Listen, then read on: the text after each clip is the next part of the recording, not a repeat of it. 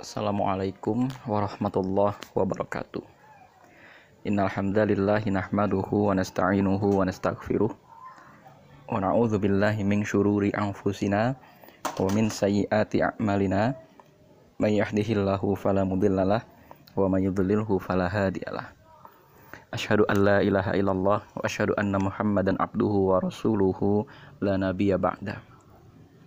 Allahumma shalli ala Muhammad wa ala ali Muhammad kama salaita ala Ibrahim wa ala ali Ibrahim innaka Hamidum Majid. Rabbi syrah li sadri wa yassir li amri wahlul 'uqdatam min lisani yafqahu qawli. Rekan-rekan sekalian, uh, dalam bahasan kita kali ini mungkin teman-teman sudah cukup familiar dengan nama Nusaibah binti Ka'ab ya ada sebagian yang menulis Nusaibah binti Haris tapi yang betul adalah Nusaibah binti Kaab yang mana beliau itu adalah orang yang terkenalnya itu sebagai syuhada. Terkenalnya itu sebagai uh, pejuang Islam terkenalnya itu sebagai orang yang sangat berjasa pada masa perang Uhud. Akan tetapi ternyata kalau kita mau lebih detail lagi misalnya kita lihat di Sirah Ibnu Hisham Ternyata kisah dari Nusaibah ini sudah sangat lengkap sekali sejak ketika Bayat Aqabah yang kedua. Nah, di sini ternyata akan kita dapati biografi intelektual dan biografi keagamaannya Nusaibah. Untuk menyelidiki latar belakang Bayatul Aqabah yang kedua dan juga Nusaibah, pertama-tama kita harus beranjak dulu pada peristiwa keislaman atau peristiwa dakwah ke kota Madinah. Bagaimana prosesnya? Jadi dakwah ke kota Madinah itu sebelum Rasulullah itu berhijrah ke kota Madinah, beliau mengutus uh, seorang sahabat Nabi, seorang sahabat beliau namanya Mus'ab bin Umair. Nah, Mus'ab bin Umair itu adalah seorang pemuda yang sangat karismatik. Dikatakan rambutnya selalu rapi dan tersisir dan beliau baunya sangat harum sekali.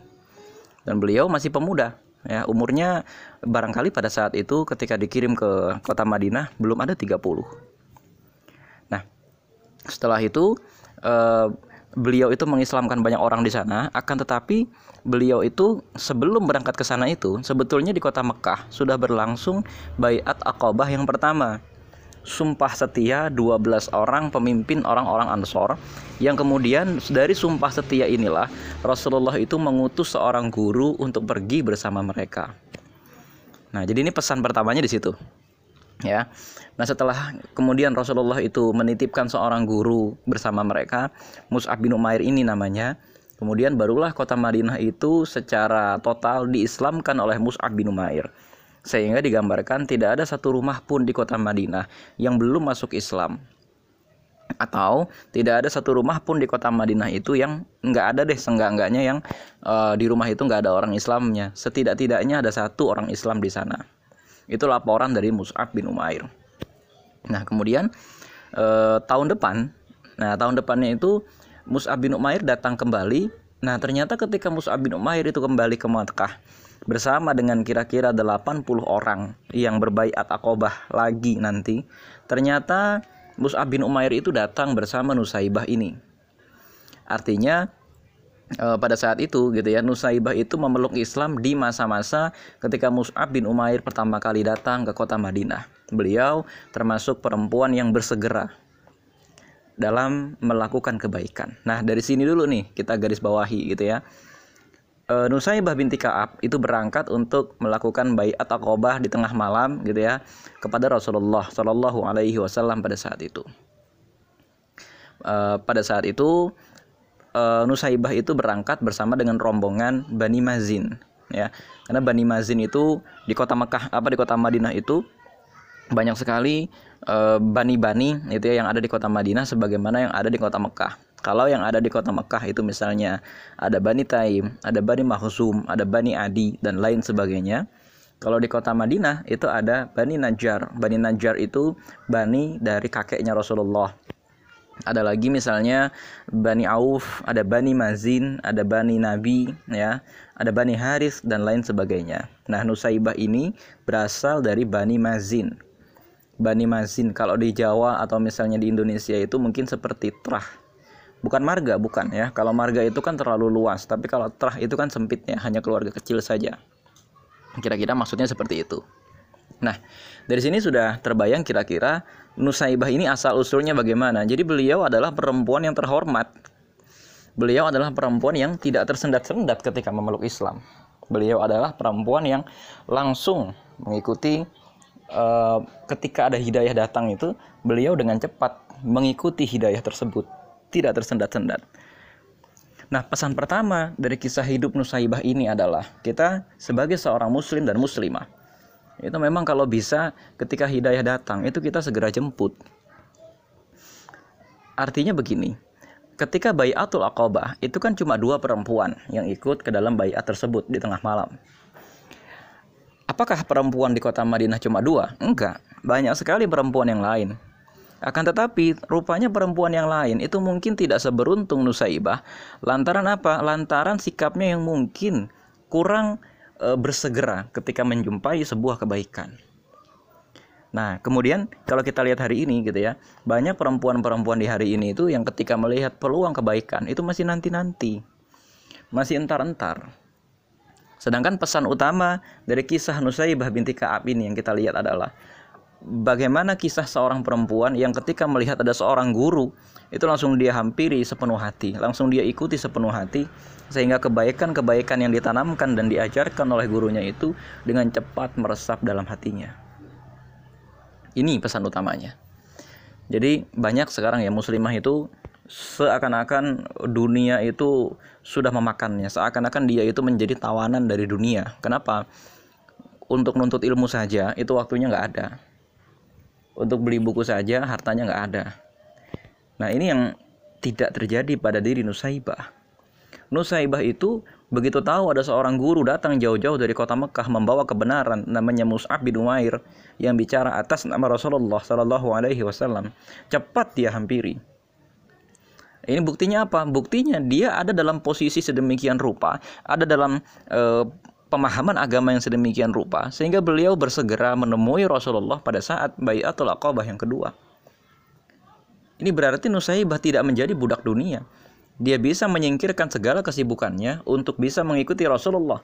Dia bisa menghilangkan segala uzur-uzurnya yang kalau zaman sekarang itu kan kita itu kadang-kadang dibuat-buat gitu ya, uzur itu. Apalagi eh, untuk kalangan perempuan. Banyak postingan-postingan di Instagram atau banyak sekali misalnya tulisan-tulisan atau podcast psikologi yang seakan-akan ilmiah, akan tetapi justru malah memperlemah perempuan. Kenapa? Karena seakan-akan perempuan itu memang kodratnya lemah, padahal terbalik kodratnya laki-laki yang kuat, bukan perempuan yang lemah. Rijalu qawwamuna 'ala nisa. Laki-laki lebih kuat daripada perempuan. Jangan dibalik perempuan lebih lemah daripada laki-laki. Ini yang kemudian ternyata menjajah diri perempuan diri sendiri itu akalnya sendiri, pengetahuannya sendiri, pemahaman yang salah kepada kehidupan ini membuat akhirnya perempuan itu terjajah dengan sendirinya. Akhirnya apa? Ketika nanti ada peluang keilmuan itu datang, ketika ada seorang guru datang memberikan pengajaran dan lain sebagainya, ada ulama di dekat kita, dengan berbagai uzur yang kita berikan, apalagi ditambah dengan segala pernyataan-pernyataan dari tokoh atau pakar yang membuat seakan-akan uzur itu memang uzur fitrah yang dimiliki oleh perempuan, kita tidak bisa belajar. Akhirnya banyak sekarang perempuan itu lemah. Lemahnya apa? Apakah gara-gara ditindas laki-laki? Tidak. Akan tetapi mindsetnya sendiri yang menyebabkan perempuan itu lemah. Dan Nusaibah mampu memerdekakan dirinya. Nusaibah mampu membebaskan dirinya dari segala kelemahan itu dan kemudian ketika ada guru datang ke kotanya, beliau langsung menemuinya dan langsung belajar. Sehingga Allah kemudian menakdirkan dengan hasil belajarnya selama kurang lebih 8 bulan di kota Madinah itu bersama dengan Mus'ab bin Umair. Derajat dari Nusaibah binti Ka'ab dinaikkan oleh Allah menjadi salah satu uh, peserta bayat sumpah setia kepada Rasulullah dalam peristiwa bayatul Aqabah. Itu kajian kita yang pertama. Nah, pada sesi kali ini kita akan membahas sisi yang paling terkenal dari Nusaibah, yaitu sisi ketika beliau terlibat dalam perang Uhud.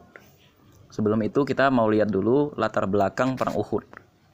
Pada saat perang Uhud, gitu ya, Rasulullah itu baru tiga tahun berhijrah ke kota Madinah dan setahun sebelumnya itu baru ada perang besar namanya perang Badar Dan perang Uhud untuk kita ketahui terjadi pada bulan Syawal. Jadi kita kira di waktu-waktu sekarang nih, gitu ya. Habis Ramadan dan lain sebagainya, itu beliau um, menghadapi pasukan orang-orang Quraisy di medan perang Uhud.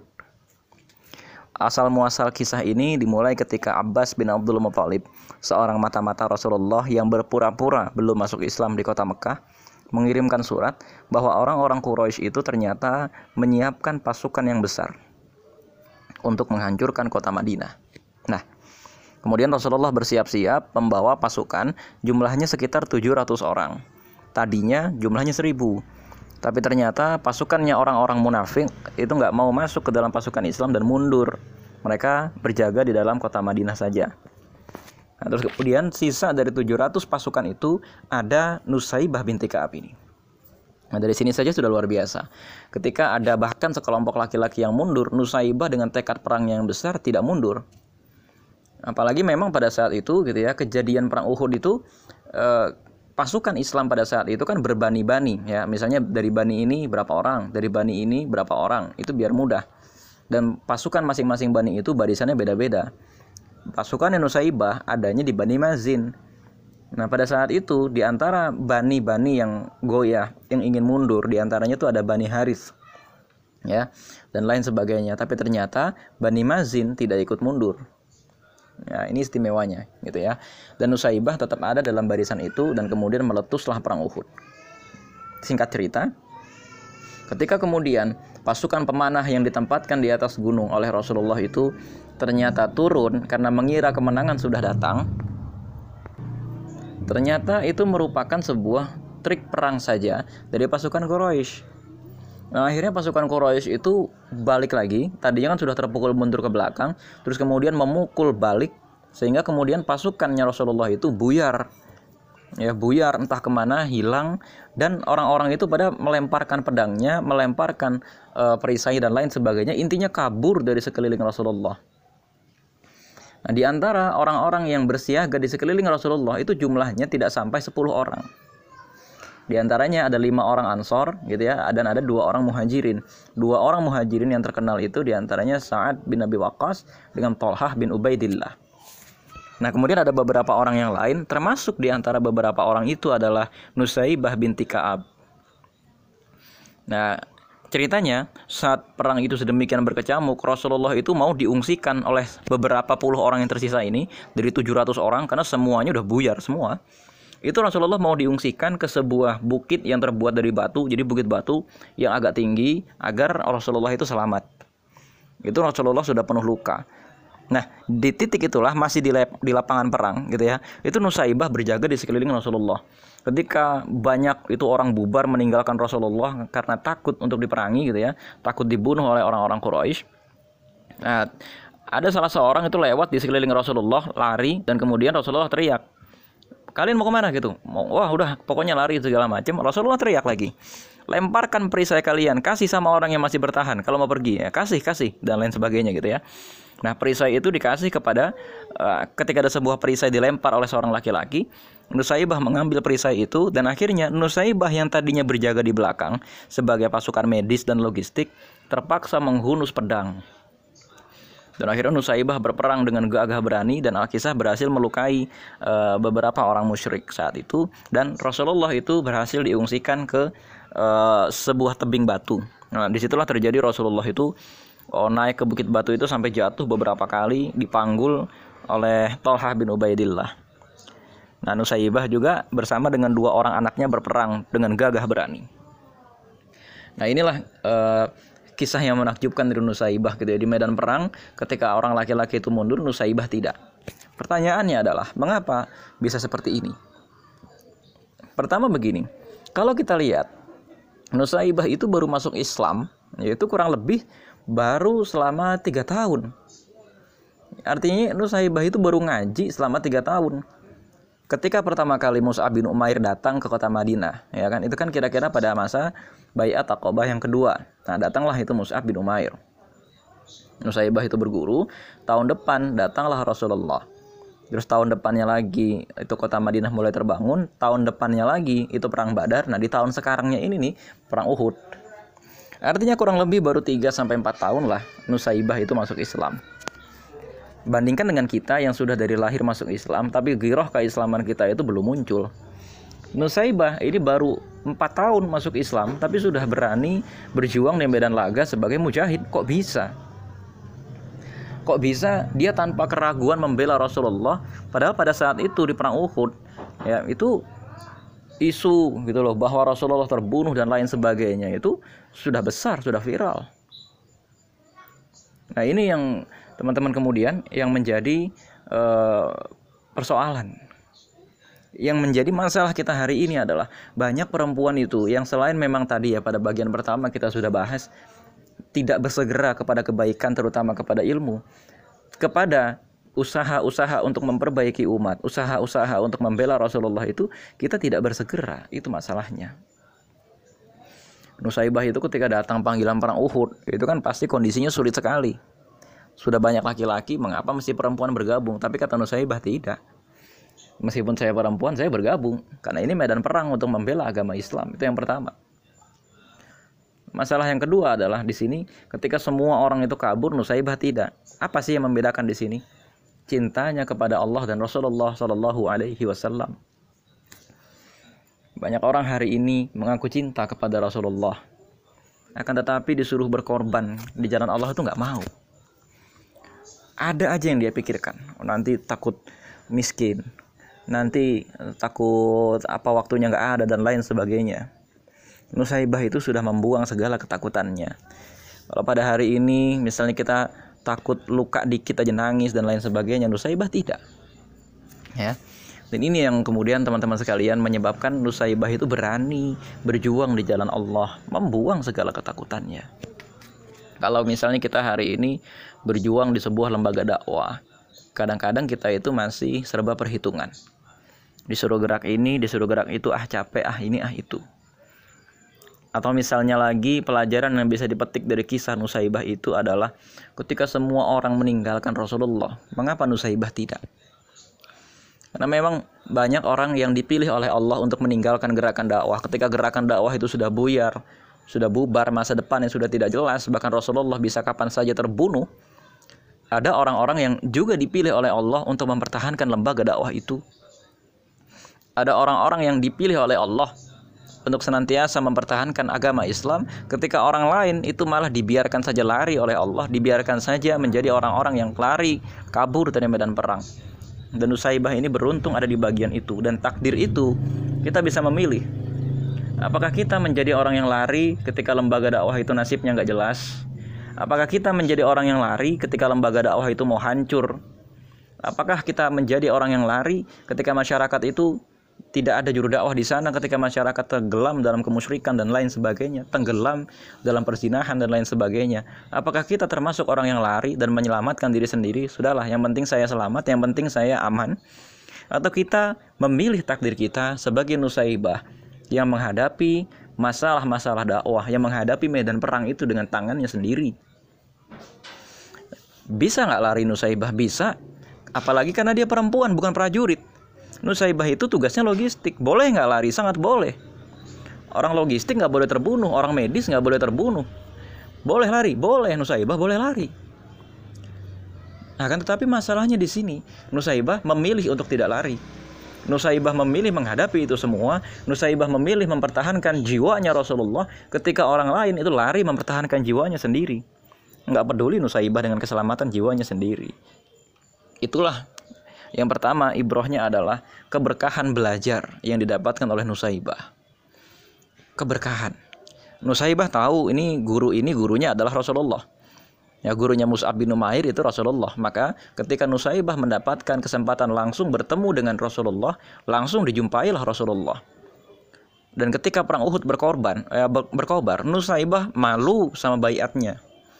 Nusaibah itu malu sama bayat Aqobah yang pernah dia lakukan bersumpah setia demi Allah aku akan menjaga Rasulullah dan lain sebagainya. Dan ketika kemudian Rasulullah sekarang mau terbunuh dan lain sebagainya, mengapa Nusaibah lari? Maka Nusaibah mengambil perisai, menghunus pedang. Itulah yang menyebabkan hati Nusaibah itu bisa begitu tabah. Nah, rekan-rekan sekalian, terakhir yang bisa dipelajari dari sosok Nusaibah adalah ini soal parenting. Parenting, maksudnya bagaimana? Jadi Nusaibah itu memang membesarkan kedua anaknya itu dengan pola asuh tauhid yang begitu luar biasa. Pertama-tama begini. Tentu anaknya Nusaibah itu melihat bagaimana Nusaibah itu memperlakukan gurunya sedemikian rupa. Ketika di awal pertama kali Nusaibah itu e, bertemu dengan Mus'ab bin Umair dan tentu saja Nusaibah juga tahu Mus'ab bin Umair itu kan utusannya Rasulullah. Nah, pasti Nusaibah itu dengan demikian berpikir ingin menghormati Rasulullah, belajar langsung dari Rasulullah sehingga ketika datang kesempatan untuk bayatul aqabah yang kedua, Nusaibah itu langsung bersegera bertemu dengan Rasulullah, ingin bertemu dengan Rasulullah dan bersumpah setia. Gak cuma jadi murid, tapi benar-benar bersumpah setia membela Rasulullah jiwa dan raga. Kan kalau hari ini seakan-akan ya muslimah berguru itu kan ya berguru saja begitu ya, biasa aja. Kadang-kadang e, gurunya pesan apa gitu nggak dijalankan. Kadang-kadang gurunya minta apa nggak dikasih atau kadang-kadang uh, gurunya itu uh, memerintahkan muridnya beli ini beli itu gitu kan untuk kitab dan lain sebagainya nggak dibeli. Kadang-kadang kan kita menyepelekan semacam itu. Tapi Nusaibah tidak. Bahkan dengan kedua matanya sendiri anak-anaknya itu melihat. Nusaibah itu bahkan melindungi gurunya itu secara fisik. Gitu loh. Melindungi an, apa melindungi gurunya secara fisik itu itu benar-benar perlindungan atau betul-betul ketaatan luar biasa sama sang guru inilah yang kemudian nggak kita dapatkan dari kisah gitu ya perempuan-perempuan yang lain gitu loh ini yang kemudian yang benar-benar istimewa dari Nusaibah yang betul-betul kita anggap uh, inilah prestasi utama dari cara Nusaibah mengasuh anaknya yaitu dengan mencontohkan bagaimana adab yang baik kepada gurunya Dampaknya apa? Kelihatannya di mana? Kelihatannya itu dari nanti ketika anak-anaknya Nusaibah itu uh, mendengar kabar ada datang atau bangkit seorang nabi palsu namanya Musailamah al-Kadzab. Ketika berlangsung beberapa kali perang besar, anaknya Nusaibah ya itu ternyata ketangkep sama si nabi palsu ini dan mau dibunuh. Nah, sama si nabi palsu ini ditanya si anaknya Nusaibah ini, e, apakah engkau bersaksi uh, tiada Tuhan selain Allah dan Muhammad adalah utusan Allah. Kata anaknya Nusaibah, "Ya, aku bersaksi bahwa asyhadu alla ilaha illallah Muhammad Rasulullah." Tapi si nabi palsu ini bertanya lagi, "Apakah engkau bersaksi bahwa uh, tiada Tuhan selain Allah dan Musailamah adalah utusan Allah?" Nah, ternyata si anak Nusaibah ini pura-pura budek. Enggak, saya nggak dengar apa-apa uh, untuk mempermainkan Musailamah, untuk mempermainkan nabi palsu ini. Nah, ini kita lihat kekuatan akidah gitu loh. Ketika si anaknya ini mau dibunuh oleh nabi palsu, kalau dia tidak uh, mengatakan bahwa si nabi palsu ini beneran nabi, betapa banyak di antara kita sekarang ini yang gara-gara keselamatan jiwanya terancam, dia terpaksa menukar imannya. Dia terpaksa menggadaikan akidahnya. Akan tetapi anaknya Nusaibah itu meskipun dia tahu akan dibunuh, dia tetap tidak menukar imannya. Dan akhirnya uh, tubuh dari anaknya Nusaibah ini, Habib bin Zaid itu yang namanya, itu dicacah, bukan cuma dibunuh tapi dicacah tubuhnya oleh Musailamah al-Kadzab. Nah, ini coba lihat gitu ya. Kenapa kok bisa seperti ini? Parenting. Anak-anaknya itu melihat dengan mata kepalanya sendiri bagaimana ibunya itu membela agama Allah di medan perang bahkan. Yang pertama tadi melihat bagaimana ibunya berguru dan menghormati gurunya, dan yang kedua melihat sendiri bagaimana ibunya itu selalu berkorban untuk Rasulullah dan mengikuti sebagian besar peperangan yang e, diselenggarakan atau yang terjadi di sekeliling Rasulullah. Ini nggak sederhana, ini nggak sederhana, karena keteguhan hati sang ibu inilah yang nanti akan menurun kepada anaknya. Betapa banyak perempuan zaman sekarang itu yang seakan-akan eh, keteguhan hati anak itu turun dari ayah saja. Dan bukankah ini seperti mengulang kisah Nabi Ismail? Ya, ketika Nabi Ismail itu bertahun-tahun tidak pernah ketemu dengan bapaknya, tahu-tahu ketemu lagi dengan bapaknya yaitu Nabi Ibrahim.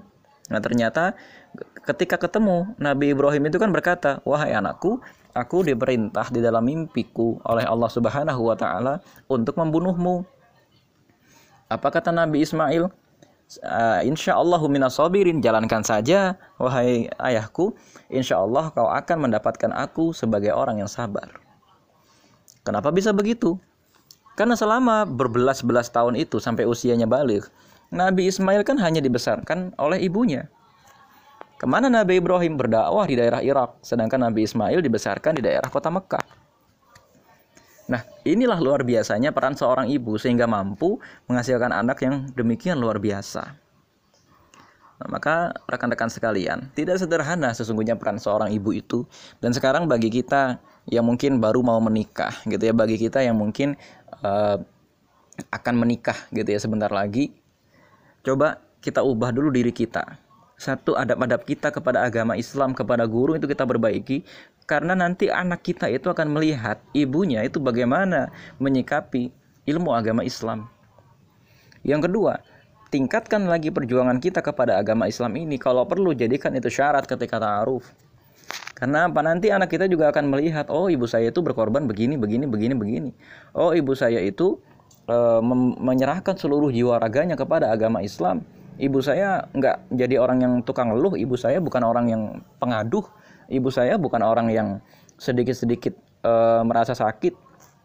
Coba kalau kita lihat perempuan di zaman sekarang itu kan ya e, jalannya dilambat-lambatin gitu kan. Bilangnya apa? Ya ini perempuan emang begini.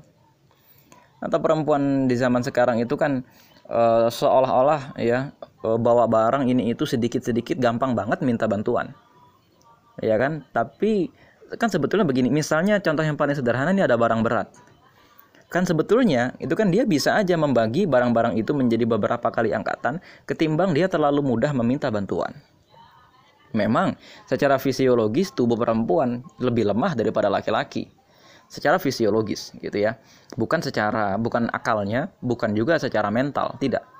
Akan tetapi secara fisiologis memang tubuh perempuan itu lebih lemah daripada laki-laki.